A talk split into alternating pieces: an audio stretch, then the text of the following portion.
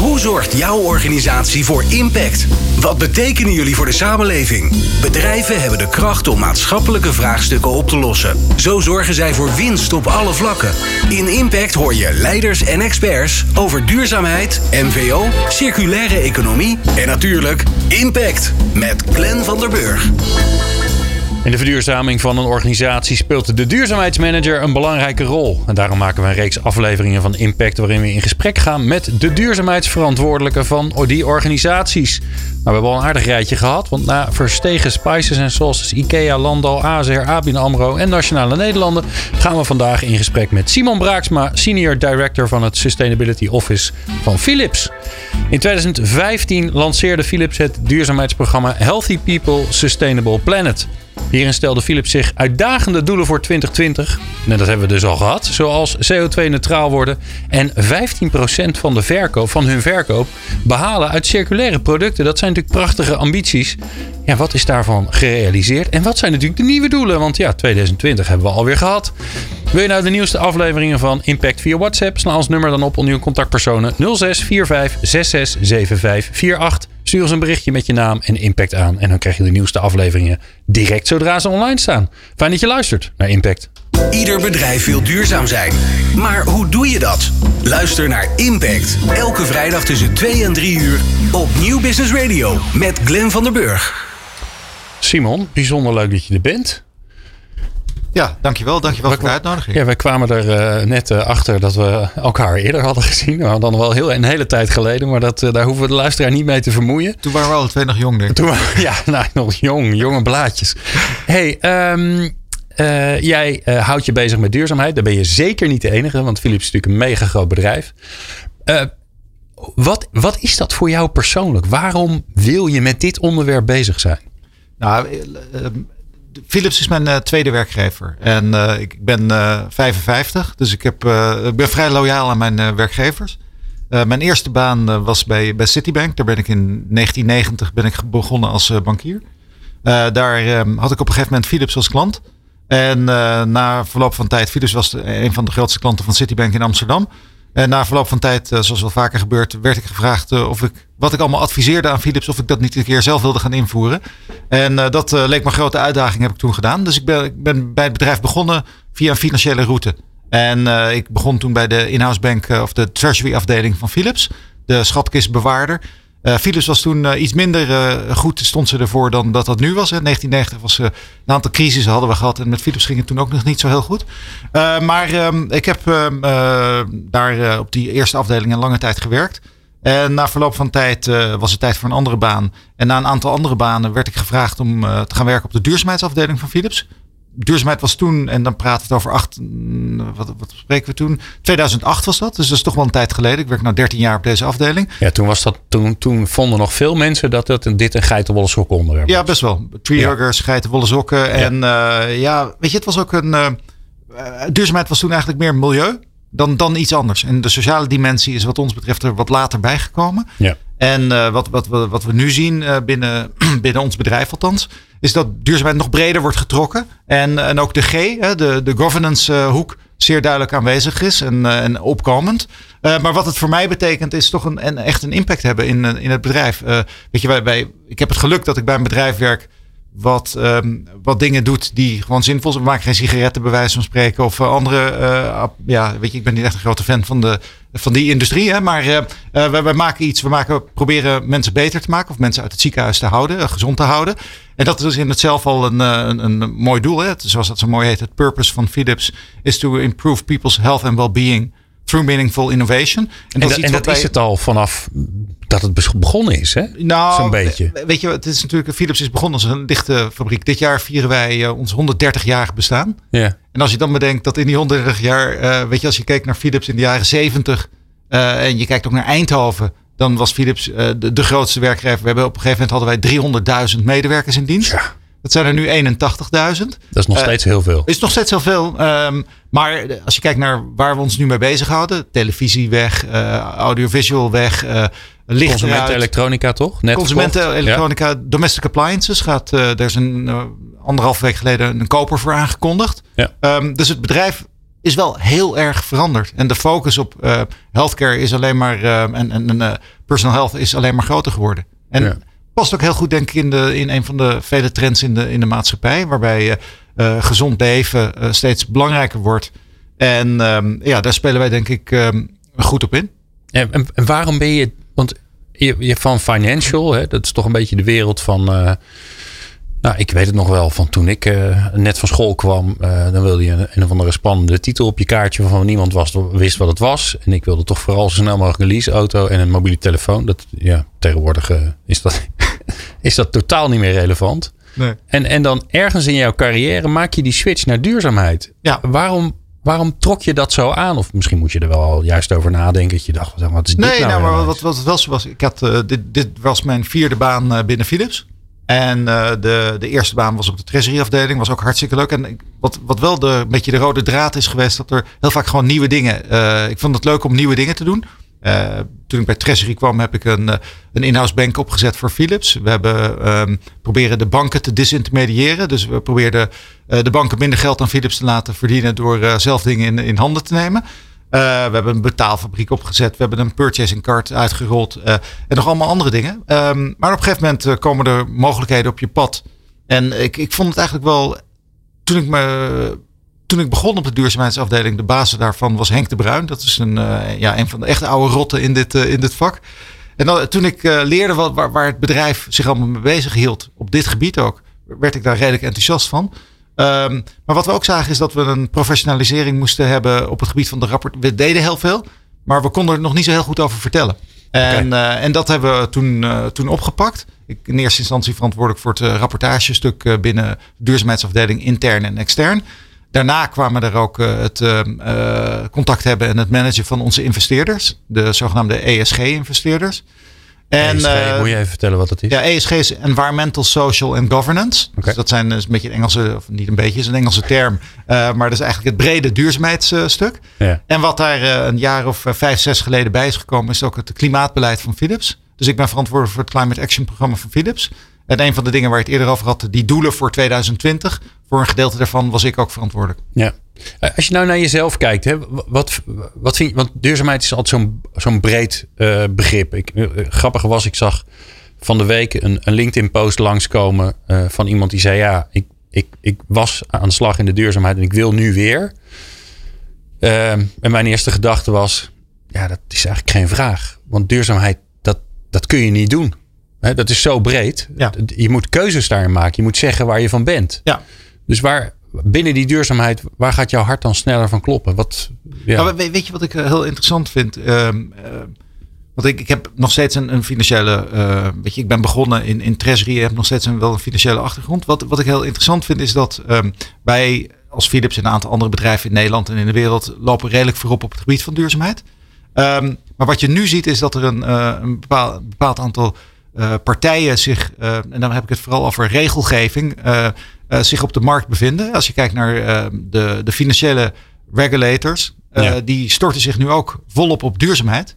En daar waar we in het verleden soms wat moeite hadden om CFO's en anderen te overtuigen van het nut van duurzaamheid, is het nu zo dat als er over een aantal jaren duurzaamheidsstandaarden worden gepubliceerd door de International Financial Reporting IFRC Council, uh, die van toepassing is op ieder bedrijf die volgens die, you know, de accountingregels, die, die rapporteren hun boeken volgens die regels, maar die krijgen nu opeens opgelegd ook duurzaamheidsregels. En, ja, ja, wat, dus, wat, dus zo, zo, zo spreken we af dat we duurzaamheid berekenen, vastleggen. Precies. Ja. En, en there is no way out. Dus dat ja. vind ik, dat heeft heel lang geduurd. En uh, zoals je, als je een beetje wat langer rondloopt in het wereldje, weet je dat er allerlei verschillende standaarden zijn volgens welke je kan uh, rapporteren. Dan kun je ook kiezen van nou, ik doe maar niks, want ik weet niet welke ik kan kiezen. Of yeah. je kiest er een aantal of één en je legt uit waarom je dat doet. Maar wat nu heel goed is, is dat er um, vanuit de regelgeving gewoon gezegd wordt, u zult dit gaan doen. Net als dat de EU nu zegt, als u meer dan 250 medewerkers heeft, dan moet u iets gaan doen met mensenrechten. Ja. En dat vind ik, vind ik alleen maar goed. Wij deden dat al. Maar er zijn heel veel partijen die zeggen, ja, weet je, als het niet, niet, niet hoeft, dan doe ik het niet. Ja, of die zich kunnen verschuilen achter, ik vind het onduidelijk, ik ja. vind het ingewikkeld. Ja. En, uh, ja, we kunnen wel wat vastleggen, maar we weten eigenlijk niet zo goed wat. Nee, nee precies. Ja, ja. was natuurlijk onlangs ook in het nieuws hè, dat de accountant van Shell doorgerekend had of ze hun eigen afspraken gingen nakomen. En dat het antwoord was nee. En dat, nou ja, jij, jij draait ook lang mee in deze wereld. Dat, dat had je tien jaar geleden was dat onbe, onbestaanbaar, toch? Ja, nee, dat, dat, toevallig is het ook onze accountant, EY. Ja. En ik, ik vind het uh, heel moedig van de accountant. Hè, want de accountant wordt, in, wordt ingehuurd door het bedrijf. Het is hun klant, ja. Uh, en, en dan zeg je dit. Maar weet je, aan de andere kant, als, als het zo is, dan is het zo. En dan moet je het ook zeggen, denk ik. Ja, ja want hoe geloofwaardig ben je anders? Hè? Ja, helemaal eens. Um, waar ik straks heel graag met je over doorpraat. Uh, nou ja, we hebben het al een beetje aangekondigd. Hè. Jullie hadden jezelf uh, stoere doelstellingen gesteld. Hoe is het daarmee en, en welke kant gaat het op? En dat hoor je zo. Duurzame oplossingen voor onze vraagstukken. Je hoort ze in Impact met Glenn van der Burg op Nieuw Business Radio. Simon Braaksma uh, van Philips te gast in onze reeks. Uh, ja, waarin we allerlei duurzaamheidsverantwoordelijke te gast hebben. Wil je daar meer over weten? Dan moet je natuurlijk even naar impact.radio. En dan zie je alle afleveringen. Die vind je daar bij elkaar. Um, Simon, 2015. Ik heb, sterker nog, ik heb een printje gemaakt. Die ga ik nu uit mijn tas halen. Dat vond ik zo mooi. Want dat is eigenlijk een beetje de aanleiding waarom ik het ook bijzonder leuk vond dat jullie te gast waren. Ik weet namelijk nog dat die afspraken gemaakt werden over uh, ja, wat jullie doelstellingen waren als Philips voor 2020. Dat leek toen heel ver weg. Nou, dat is ondertussen al geweest. Dan ben ik even aan het zoeken waar ik hem gevonden heb. Een van de spannendste dingen die ik er eerlijk gezegd in vond staan, is dat jullie toen, en dat was in de tijd dat we eigenlijk nog niet echt wisten wat circulaire economie was, um, dat jullie toen al zeiden, ja, we willen eigenlijk 15% van onze sales, van onze verkopen, die moet uit circulaire producten en diensten komen. En ik dacht toen 15, kijk, want 15% klinkt niet veel, maar als je inderdaad 83.000 mensen voor je hebt werken. En nou, ik weet niet eens hoeveel omzet jullie hebben, maar dat is heel veel. Dan is 15% hartstikke veel. Ja. Is het gelukt? Het is gelukt, ja. Wauw. Maar het ging niet makkelijk. Nee, nou, dat is, dat is fijn. Want dan zit er een mooi verhaal achter. Hoe is het dan toch gelukt? Nou, hoe het is gelukt. Kijk, waar, waar het eigenlijk mee begon is dat uh, onze CEO uh, Frans van Houten, die, die zit in allerlei uh, groepen overleg of overleggroepen, zoals ook het World Economic Forum.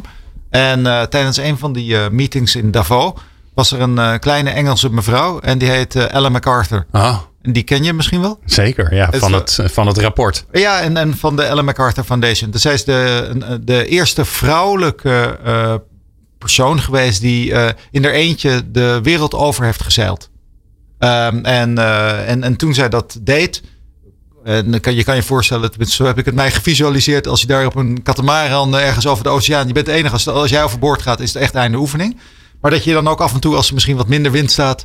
Dat je een aantal levensvragen gaat stellen. Ja. En, en uh, een van de dingen waar zij toen mee bezig was, is de, de, de, circulaire economie. En kunnen wij de economische groei, kunnen we die um, onafhankelijk maken van het, groei, van het gebruik van resources. Nou, ze heeft daar uh, gesproken en ook uh, onze CEO um, ehm, enthousiast gemaakt. En een tijd later hadden wij voor het eerste keer een overleg in Amsterdam. En wat ik me nog heel goed kan herinneren is dat uh, Ellen MacArthur, die 1,60 meter, ik ben zelf bijna 1,90, maar zij was 1,60 meter of zo, die gaf een hand en die was e extreem sterk van een zeilster. Met allemaal eelt op haar handen ook. Dus je dacht echt van wow, dit, als het een man zou zijn geweest, denk je ook wat een krachtig. Yeah, yeah. Uh, maar zij vertelde toen het hele verhaal en we werden toen uh, heel enthousiast. En um, uh, hebben toen besloten om een uh, partner te worden van haar foundation. Uh, en en um, we hebben toen eigenlijk voor Philips het, denk ik, het licht gezien. Het was wel zo dat wij al voor die tijd hadden wij um, refurbished equipment. Dus we hadden healthcare apparatuur die einde levensduur, die kwam terug naar Philips.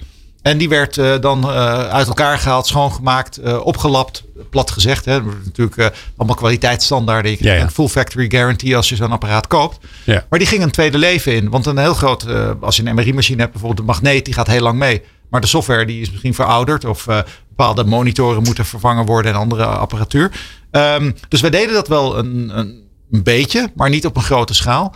En... Um, we hebben toen eigenlijk eh, besloten om eh, hier eh, zwaar op in te zetten. Er zit natuurlijk een hele grote strategische gedachte ook achter. Dat als jij meer apparatuur kan terughalen bij je klanten, er vindt natuurlijk een bepaalde vervangingsvraag bij, bij plaats. En als jij, zoals dat dan heet in onze healthcare-industrie, een socket retention kan hebben. Je hebt in een ziekenhuis een MRI-machine staan. Je hebt een goede trade-in deal. Je haalt die MRI-machine eruit. Je zet de allerlaatste zet je er neer van, van Philips. Die MRI-machine die haal je terug. Heel veel mensen denken die dat die allemaal dan prevalent uh, naar Afrika gaan. Dat is helemaal niet zo. Die gaan ja. uh, naar heel veel ziekenhuizen, maar niet universitaire ziekenhuizen, maar net een niveau erachter. Het is ook niet dat dat tegen afbraakprijzen gaat, maar dat is een hele goede value retention die je daar realiseert.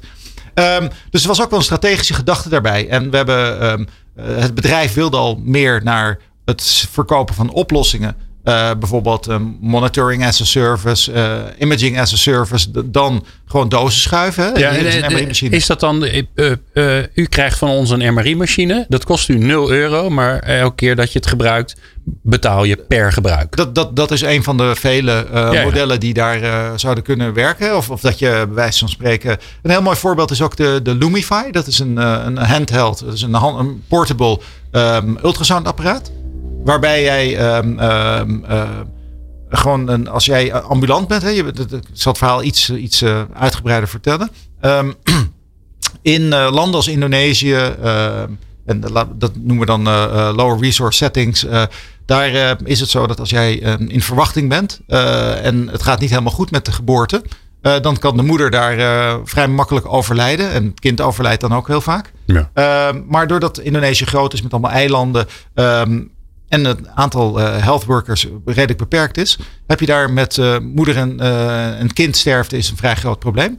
We hebben um, dat onderkend en samen met de Indonesische overheid een, een pilot gestart om um, vroedvrouwen daar uit te rusten met een, een Lumify, dus een hand, een soort, ja, een soort klein apparaat wat je in je handen hebt, wat verbonden is aan een mobiel telefoon of een tablet, niets dergelijks.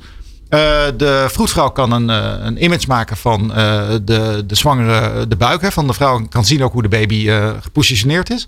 En als die baby bijvoorbeeld verkeerd legt en stuit, kan ze, kunnen ze zeggen van nou, u moet een aantal weken voor de bevalling moet u naar een ziekenhuis gaan, want anders kan het verkeerd aflopen. Ja. Nou, dat is, ehm, het goede hiervan is dat dat door de mobiele technologie die er nu is, kan die, die, die afbeeldingen die kunnen doorgezet worden naar een gynaecoloog die die kan interpreteren en ook een besluit nemen.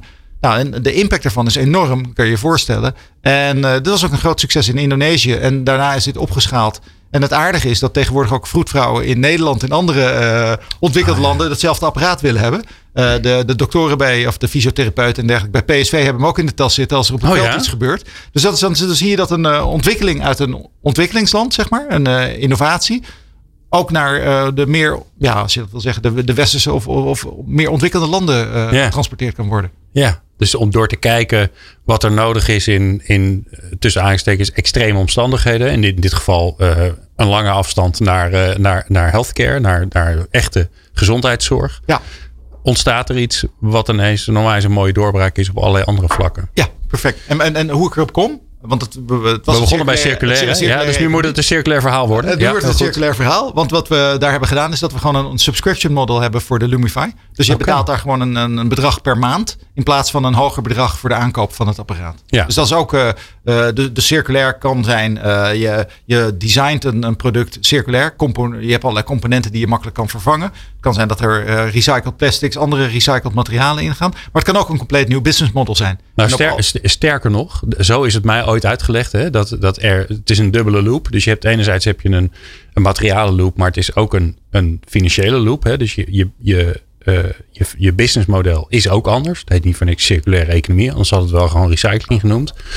Uh, dat laatste element, dus dat het ook echt een, een ander businessmodel is. In dit geval een, ja, een abonnementsvorm of een uh, pay-per-use vorm dat kom je nog niet zo heel vaak tegen. Hè? Het is, circulair, circulair wordt ook heel erg misbruikt, tussen aanstekens.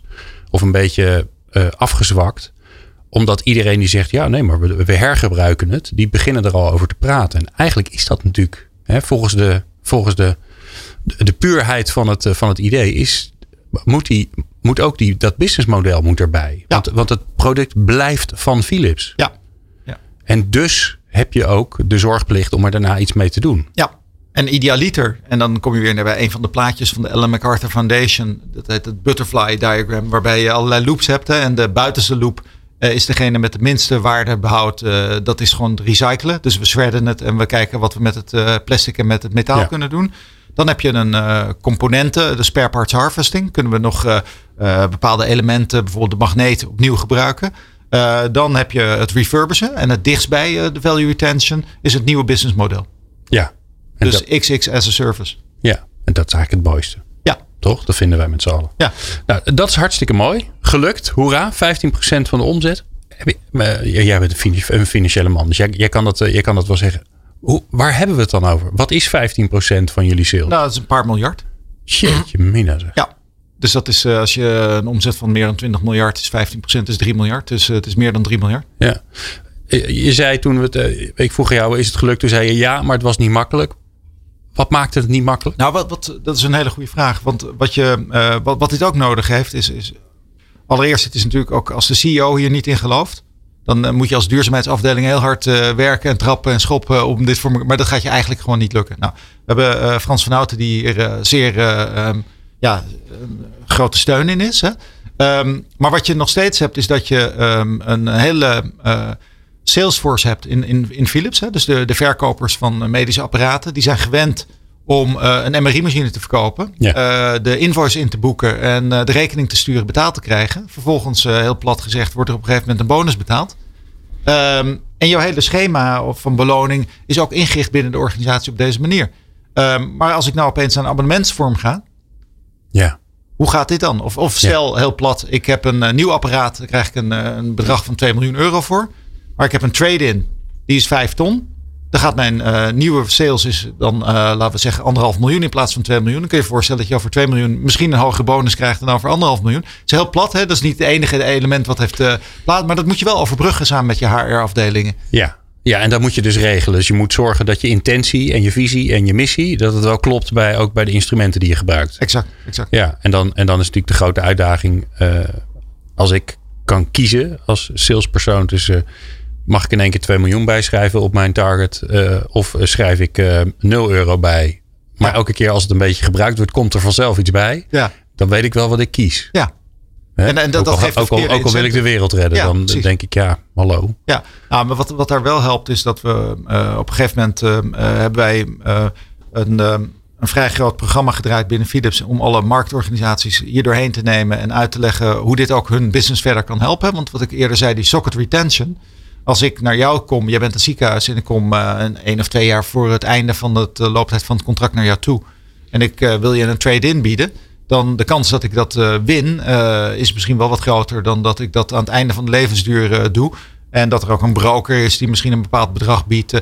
Um, maar nog veel mooier is als wij samen kunnen afspreken dat we een 15 jaar strategic partnership aangaan. En wij ontzorgen jou helemaal. We spreken af hoe we de voordelen gaan delen dus als wij een, eh, een MRI-machine, vrij kort geleden hebben wij nieuwe software geïntroduceerd waarmee de procedure, de doorlooptijd van de procedure met 50% verkort werd. Dan kan je je voorstellen wat dat betekent voor de productiviteit van het ziekenhuis. Als wij daar de voordelen van kunnen delen volgens een bepaalde sleutel, ja, dan, dan, dan ben je best wel enthousiast om dat te gaan doen. Ja, ja, en dan zeg je ook niet meer, er is een software update en die kost X. Nee. Maar dan zeg je, we hebben een software update. Ja. Of sterker nog, we gaan jou helpen om je, je ziekenhuis beter te laten runnen. Ja, maar dat staat al in het contract. Het, performance, ja, ja. is performance-based, hè? dus dat is gewoon hartstikke mooi. Ja. We hebben allebei een interesse om de, de doelen daarmee te halen. Ja, mooi. Um, ik, uh, dit uur gaat veel te kort zijn. Daar, daar, zijn we nu al achter, dus daar hoeven we het verder niet meer over te hebben. Um, straks gaan we uh, er een partner bij halen van jou. Om te kijken wat, uh, nou, hoe, hoe, jullie dan ook weer samenwerken. Want zelfs Philips kan niet alles alleen. En daarna kijk ik heel graag eh, samen met jou naar de toekomst. En dat horen jullie zo. Impact met Glenn van der Burg op Nieuw Business Radio. Simon Braaksma van Philips is de gast. En uh, ja, alle duurzaamheidsmanagers vragen we ook van... joh, met, met, wie werk jij nou samen om te zorgen dat je je doelen haalt? En uh, Simon die heeft uh, Arjon van Lieshout uitgenodigd van House of Performance. Arjon, wat leuk dat je er bent. Goedemiddag, ja, dank voor de uitnodiging. Ja, nou ja, heel, heel fijn dat je er bent. Um, um, Simon, waarom, waarom Arjon? Waarom heb je Arjon uitgenodigd? Wat, wat doen jullie samen? Oh, best wel veel. Uh, en uh, Arjen is een hele leuke gast, dus ik dacht ook wel, die, uh, die past mooi in het programma. Dat helpt, hè? Ja, ja dat, dat helpt. maar um, een aantal jaar geleden, um, ik, ben, ik ben verantwoordelijk voor het klimaatprogramma binnen, binnen Philips. Philips. En um, in het jaar 2017, terwijl wij op een doelstelling zaten waarbij de CO2-emissies naar beneden zouden moeten, hadden wij opeens een een onverwachte uh, piek in de, in de. Dus de trendlijn ging de verkeerde kant op. En wat oh, we toen hebben gedaan uh, binnen Philips. Uh, we hebben toen een programma gestart om, um, de, de, laten we zeggen, de ui helemaal te pellen. En te kijken waar, waar komt dit nou allemaal door? En wat dat, hè, waarom zagen we dit niet aankomen? En wat kunnen we doen om te corrigeren? Nou, we hebben dat allerlei onderdelen hebben zeg maar ontbloot en allemaal, zoals dat heet, levers hebben we ontdekt, of niet ontdekt, maar hebben we geïdentificeerd en zijn we aan gaan draaien. Uiteindelijk hebben we onze doelstelling om carbon neutral te worden in 2020 wel gehaald. Dus dat is gewoon hartstikke mooi en ben ik ook heel trots op. Um, maar een van de dingen die we zagen is dat, ehm, dat mensen binnen Philips nogal van reizen houden. Uh, dat is ook weer een beetje plat uitgedrukt, want het is wel zakelijk natuurlijk. Hè? Maar we zagen wel dat vergeleken met onze concurrenten, dat er heel erg veel gereisd werd. En uh, dat, als je dan zag hoeveel er gevlogen werd en ook hoeveel geld het kost, maar ook wat een, ja, wat, wat een reistijd er is en, en weet ik wat allemaal, was best wel, maar het zit ook redelijk diep in het systeem. En, en je kan wel budgetbeperkingen zetten en dan hopen dat mensen minder gaan reizen. maar we hebben toen bedacht, ja, laten we nou dat is een keertje om gaan draaien. Laten we ook gewoon kijken, wat, wat zijn de alternatieven? En dat was allemaal nog voor COVID uh, trouwens. Ja, ja. Dus uh, COVID heeft wel redelijk geholpen. maar um, we wilden ons dus richten ook op een gedragsverandering van al die medewerkers binnen Philips. Hè. En heel vaak hebben mensen goede reden. Als jij een service engineer bent en je moet een apparaat installeren in een ziekenhuis. Ja, voorlopig is dat remote is wel moeilijk hè? als je schroefjes en boe, boe, bout en moeren moet aandraaien. maar als, jij, ehm, ehm, ja, als jij een verkoopgesprek hebt met een, met een ziekenhuis, moet je daar dan met drie, vier man naartoe. Ja, en dat was de vraag die je aan Arjon hebt gesteld. We hebben, ja, we, we hebben toen uh, samen met Arjon uh, hebben dit besproken en gekeken wat zij eventueel zouden kunnen doen. Maar misschien kan Arjon dat wel. Nee, maar dat, dit was een bruggetje, die voelde ja. je aankomen. Ja, ja, dus Arjon, nou, die vraag die krijg je dan. Of je even het gedrag van onze collega's wil veranderen. Nou, dat is natuurlijk hartstikke lastig. Wat hebben jullie bedacht? Nou ja, dat, dat, was op zich wel een mooie vraag. Hè? Want wij richten ons met name op, op transformaties in bedrijven. En, en we komen erachter, ja, dat gaat uiteindelijk toch vaak neerkomen op, op nieuw gedrag. En mensen nieuw gedrag uh, proberen aan te leren en daartoe te verleiden. Uh, nou, de vraag van Philips was natuurlijk van, hé, hey, dat is een grote organisatie, die werkt over de hele wereld, hoe ga je dat doen? En wij zijn, ik denk, um, dat zal inmiddels al acht of negen jaar geleden zijn, zijn we op het spoor gekomen dat je met, met de gamification technieken uh, gebruik maakt van een platform, dat je mensen, kan, mensen op, op afstand kan bereiken, vrij makkelijk ook kan bereiken. En met die techniek mensen kan verleiden om bepaalde nieuwe gedragingen, om daar experimenten mee te gaan doen. Want we weten inmiddels ook dat als je mensen wil verleiden tot nieuw gedrag, dat het het mooiste is als ze dat in de praktijk toetsen, eh, oefenen of doen, meteen in de praktijk feedback krijgen van hé, hey, dat werkt eigenlijk best wel goed. En, en van daaruit ga je dat gedrag dan bestendigen. Dan denken mensen, oh oké, uh, de eerste keer was spannend, maar ik ben een beetje uitgedaagd via zo'n game. Ik heb dat gedaan, ik kreeg goede feedback via die game word je nog op een paar meer manieren zo uh, daar, daar uh, toe verleid. En op een gegeven moment zie je de mensen denken, hé, hey, dat is boeiend. En dan krijg je op een gegeven moment dat het nieuwe gedrag ontstaat. En bij de vraag van Philips was natuurlijk van, hé, hey, de mensen houden van vliegen, zoals Simon zei. zakelijk uiteraard. Ehm, toen dacht ik, ja, maar je kan niet een game spelen om mensen minder te laten vliegen. Dus dat moesten we omdraaien naar iets positiefs. En zei, nou kun je kijken of mensen meer virtueel kunnen gaan samenwerken. En daar hebben wij in een game allemaal opdrachtjes voor bedacht. Die mensen langzaam maar zeker verleiden tot dat meer virtueel samenwerken. En neem mij eens mee, Arjon. Ik ga, ik ga hem spelen. Oké, nou, nou, nou, bijvoorbeeld, we zitten. Ik, jij ook, maar ik zie jou niet. Wij weten uit dat als de schermen aanstaan en we elkaar zien, dat de vergadering effectiever wordt. Ja. Dus dan moesten wij mensen gaan verleiden, om, hè, daar zitten we ergens opdracht drie of vier in zo'n game, moesten mensen gaan verleiden om dat scherm aan te zetten, in plaats van het scherm uit te zetten. Omdat we wisten, dan wordt de vergadering effectiever en krijg je dit gedrag bestemd. Nou, dan gingen we in de game een wedstrijdje spelen van wie kan de leukste selfies maken met teams die de camera allemaal aan hebben. Die foto's die je maakt, er zijn soort screenprints en selfies, die laat je dan uploaden in de game, die laat je de andere mensen weer beoordelen. Dat is een superleuke leuk opdrachtje. Daar zitten hele grappige foto's bij. Um, mensen zien het van elkaar, raken daardoor geïnspireerd ook. Super lollig. Maar tegelijk, wat er werkelijk gebeurt, is dat die camera aangaat en dat die meetings dus ook met beeld zijn. En vervolgens, naast dat ze deze leuke grap hebben uitgehaald, gaan ze wel door in die meeting met die camera aan. Ja, want daarna ga je niet nog een keer uitzetten. Ja, en misschien Glenn, uh, voordat je denkt, god, maar dat doen we nou toch allemaal al lang met Teams. Uh, dit was allemaal voordat Teams uh, wereldwijd uitgerold werd op grote schaal. Hè? Want we zijn begonnen met deze game voor de coronacrisis. En toen was het zo dat uh, mensen nog de hele wereld continu overvlogen. vergaderingen met, weet je, had af en toe wel een Zoom-meeting, maar heel zelden. En dan zie je ook hoe snel eigenlijk die innovatie onder druk gaat. Hè?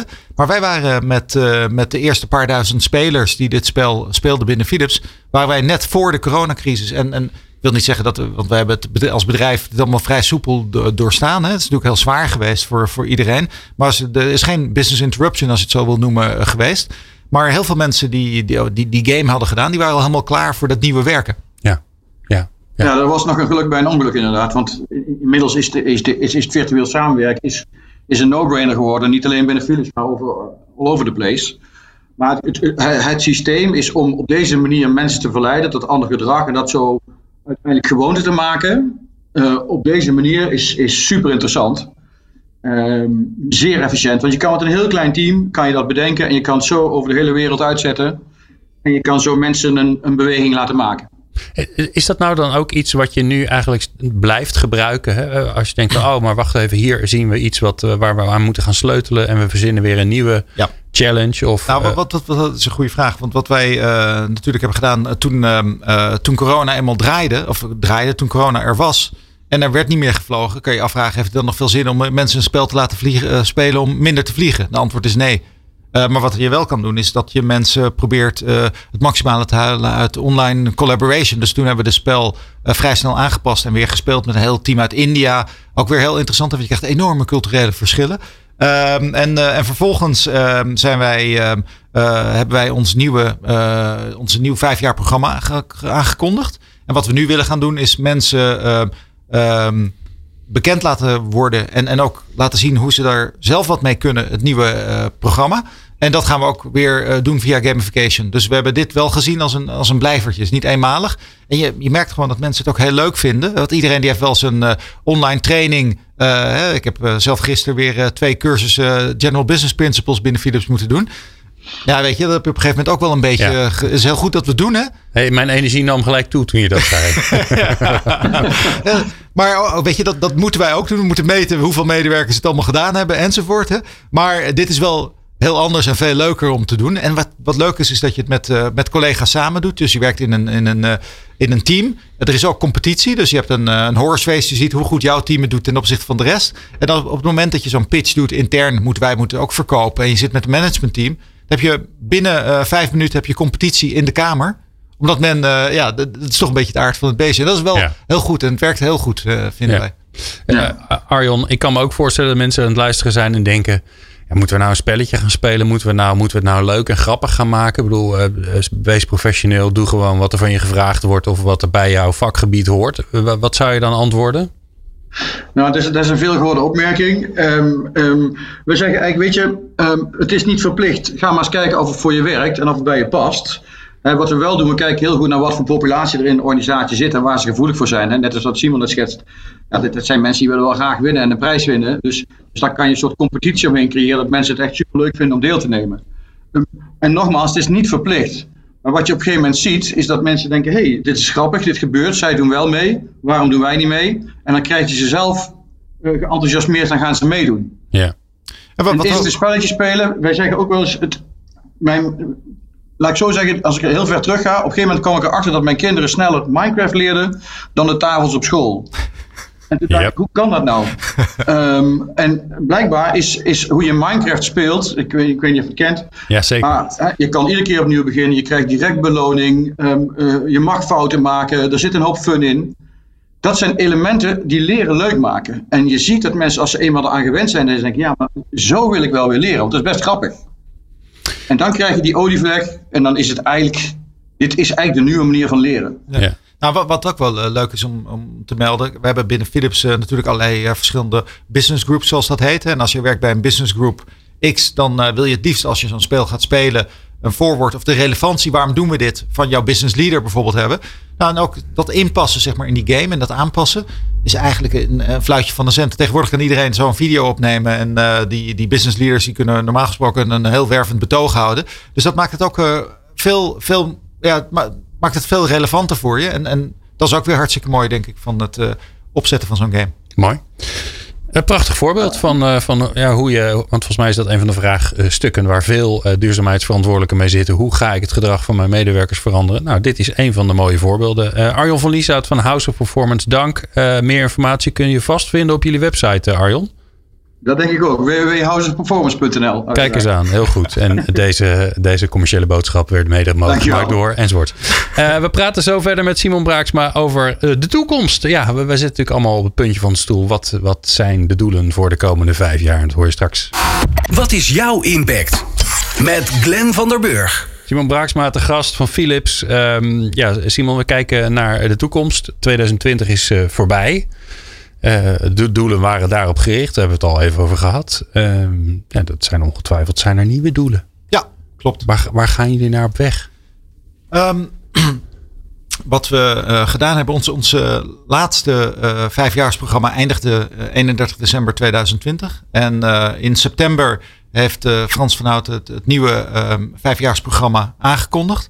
En wat we daarin hebben gedaan, we hebben het geen naam gegeven zoals de vorige keer Healthy People Sustainable Planet. Maar het zijn nu ja, een beetje, misschien saai, de ESG commitments voor 2025. En wat we hebben gedaan is voor E, S en G een serie uh, commitments van Philips uitgesproken en opgeschreven. Uh, en een aantal, als we kijken bijvoorbeeld naar de E, uh, dan is het zo dat wij ons. E is environment. Environmental, sorry. Ja. Dat is jouw. Dat is mijn dingetje. dingetje. En op de E-kant, dus de environmental kant, hebben wij ons bijvoorbeeld gecommitteerd aan een, onze CO2-reductie in, in lijn te brengen met een anderhalf graden global warming scenario. Dus de Paris Agreement anderhalf graden. En dan gaat het over CO2-emissies over de volle value chain. Dus van het sourcen van onze componenten, raw materials enzovoort. Onze fabrieken dan de gebruiksfase van onze producten. En de disposal phase, maar dat is niet zo heel erg impactvol. Um, nee, dus als daar, het goed is, doen jullie, doen jullie steeds meer circulair. Dus die da, disposal die is er gewoon niet meer straks. Daarom, daarom. Dus, uh, dat is, maar alles, dus vanaf het, vanaf het winnen van het ijzer van de, van de magneet, als er überhaupt ijzer in zit, maar dan metaal, ja. laat ik het ja. zeggen, dan zit ik goed.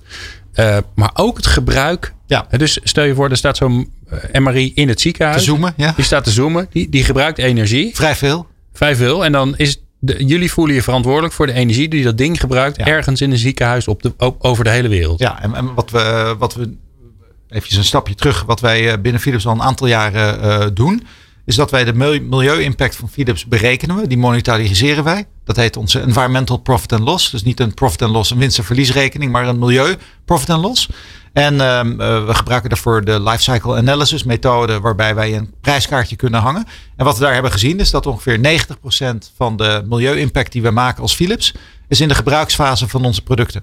Oké. Dus we kunnen, en dat is een verantwoordelijkheid voor mij geweest, om alle sites binnen Philips op renewable electricity te laten draaien. Dat is, hebben, is een van de 2020 programma-onderdelen. Dat is gelukt. Hoera, dus de 10% hebben jullie geregeld. Dat, dat we hebben dat, uh, dat is allemaal. Maar wat er vervolgens, wat, wat, je moet doen, is, weet je, als je die commitment aangaat om je CO2-reducties in lijn met zo'n anderhalf graden scenario terug te brengen, moet je ook de apparaten, de use case moet je aanpakken. En wat we daar hebben is uh, ons eco-design bijvoorbeeld, uh, wat ik je net vertelde.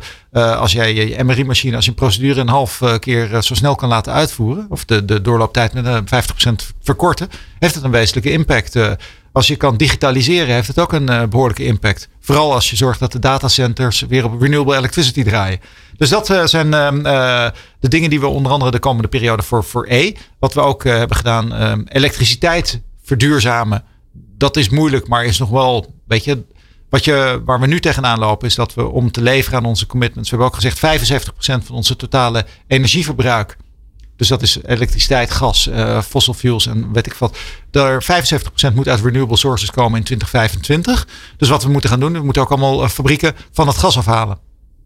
Okay. Nou, en dat wordt wel een wat grotere uitdaging. Want uh, daar ja, want, je... want fabrieken zitten op gas omdat ze uh, hoge temperaturen nodig hebben om staal te smelten. Om, Bijvoorbeeld, ja, dat ja, soort dus dingen te doen. Dat is in sommige gevallen, in andere gevallen is ook gewoon nog heating, hè? dus verwarming. Ja, okay. Dus dat is weer wat makkelijker. Hè? Maar, maar dan nog steeds moet je investeringen gaan doen die een wat langere terugverdientijd hebben dan dat je normaal, vooral als je, weet je, warmte-koude opslag en allemaal andere zaken die, dus is niet extreem nieuw, maar de, de payback times liggen toch nog wel wat hoger.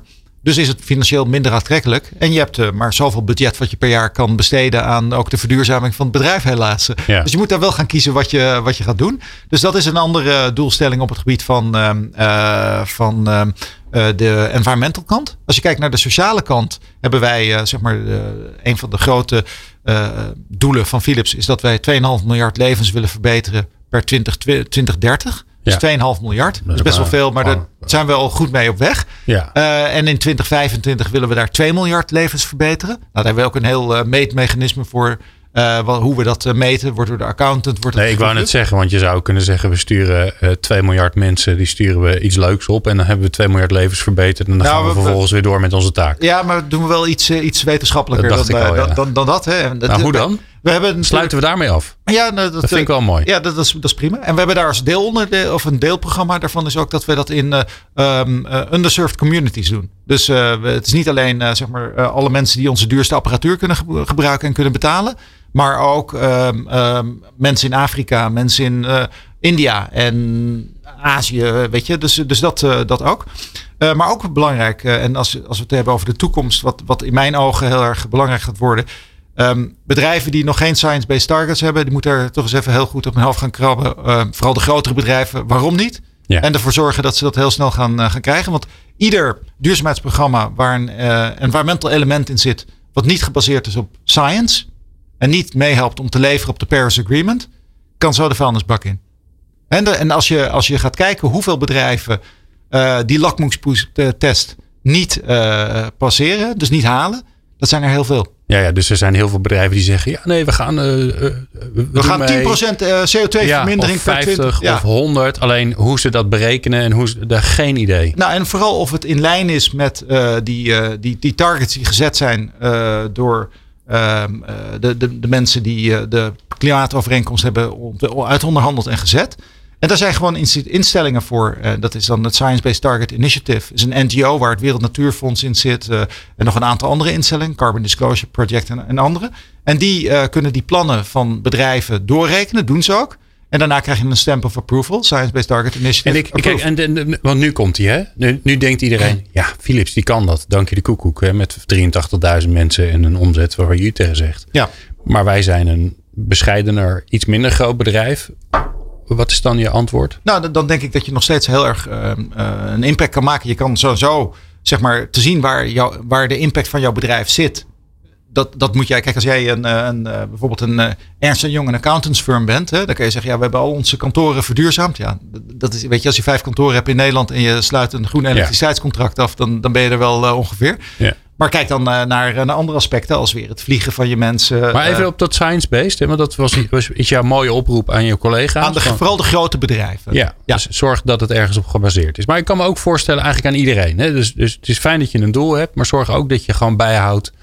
Uh, en, en, en duidelijk en transparant maakt hoe, hoe je ervoor staat en hoe je eigenlijk aan dat doel wil komen. En dat doen jullie natuurlijk enorm prachtig volgens alle, alle richtlijnen. Maar als je, als je wat minder groot bent, kun je dat ook doen.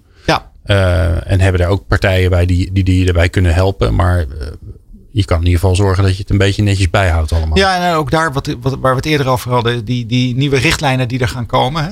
Je, ik denk dat je ook beter op tijd je kan voorbereiden op die wetgeving die eraan gaat komen. De EU die uh, komt ook alweer met, uh, met nieuwe uh, richtlijnen. Ja, dan kan je dat niet leuk vinden. Maar als jij meer dan 250 medewerkers hebt, moet je daar gewoon mee in lijn okay. moet je gaan werken en opereren en, en, en rapporteren. Dus ehm, zorg dat je gewoon voorbereid bent. Ik heb nog een laatste vraag aan je. En die vraag stellen we namelijk iedereen. Uh, want jij moet, ook jij uh, uh, moet, of we willen graag dat jij het vette stokje doorgeeft aan iemand. Ja. Uh, diegene, en voordat je het gaat zeggen, heeft diegene aan wie je het doorgeeft al gezegd: Ja, dat vind ik leuk, want anders dan doen we dat lekker buiten uitzending. Nee, de geluk, gelukkig heeft hij bevestigd. Oké. Okay. Ja. Wie gaat het worden? Wie, wie wordt mijn volgende slachtoffer? Dat is Piet Klop. Oké. Okay. En Piet Klop is uh, Responsible Investment Manager bij PGGM, een van de grootste pensioenfondsen in, in Nederland en misschien ook wel in Europa. Um, en Piet en ik werken samen met nog een heel wat andere asset managers in allerlei platformen waarin wij, um, of allerlei platformen in een werkgroep waarin wij proberen de Sustainable Development Goals van de United Nations, de SDG's zoals die zo mooi heten, ja. meetbaar te maken. En daarover te rapporteren. Maar Piet doet nog veel meer. Heeft een heel groen hart. En is al jaren bezig. Extreem enthousiaste persoon. En een, uh, denk ik, geweldige leuke gast voor de volgende podcast. Super. Dankjewel Simon. Uh, het was bijzonder leuk. En uh, ja, natuurlijk zo'n groot bedrijf. We kunnen hier nog uren over praten. Maar dat uh, gaan we misschien in de toekomst nog wel een keertje doen. Maar dat merken jullie vanzelf. Simon Braaksman van Philips. Dankjewel. wil jij nou meer luisteren? Dan kan dat natuurlijk via onze website impact.radio. Daar vind je alle afleveringen die we maken over dit prachtige thema. Dankjewel voor het luisteren. Meer afleveringen van Impact vind je op impact.radio.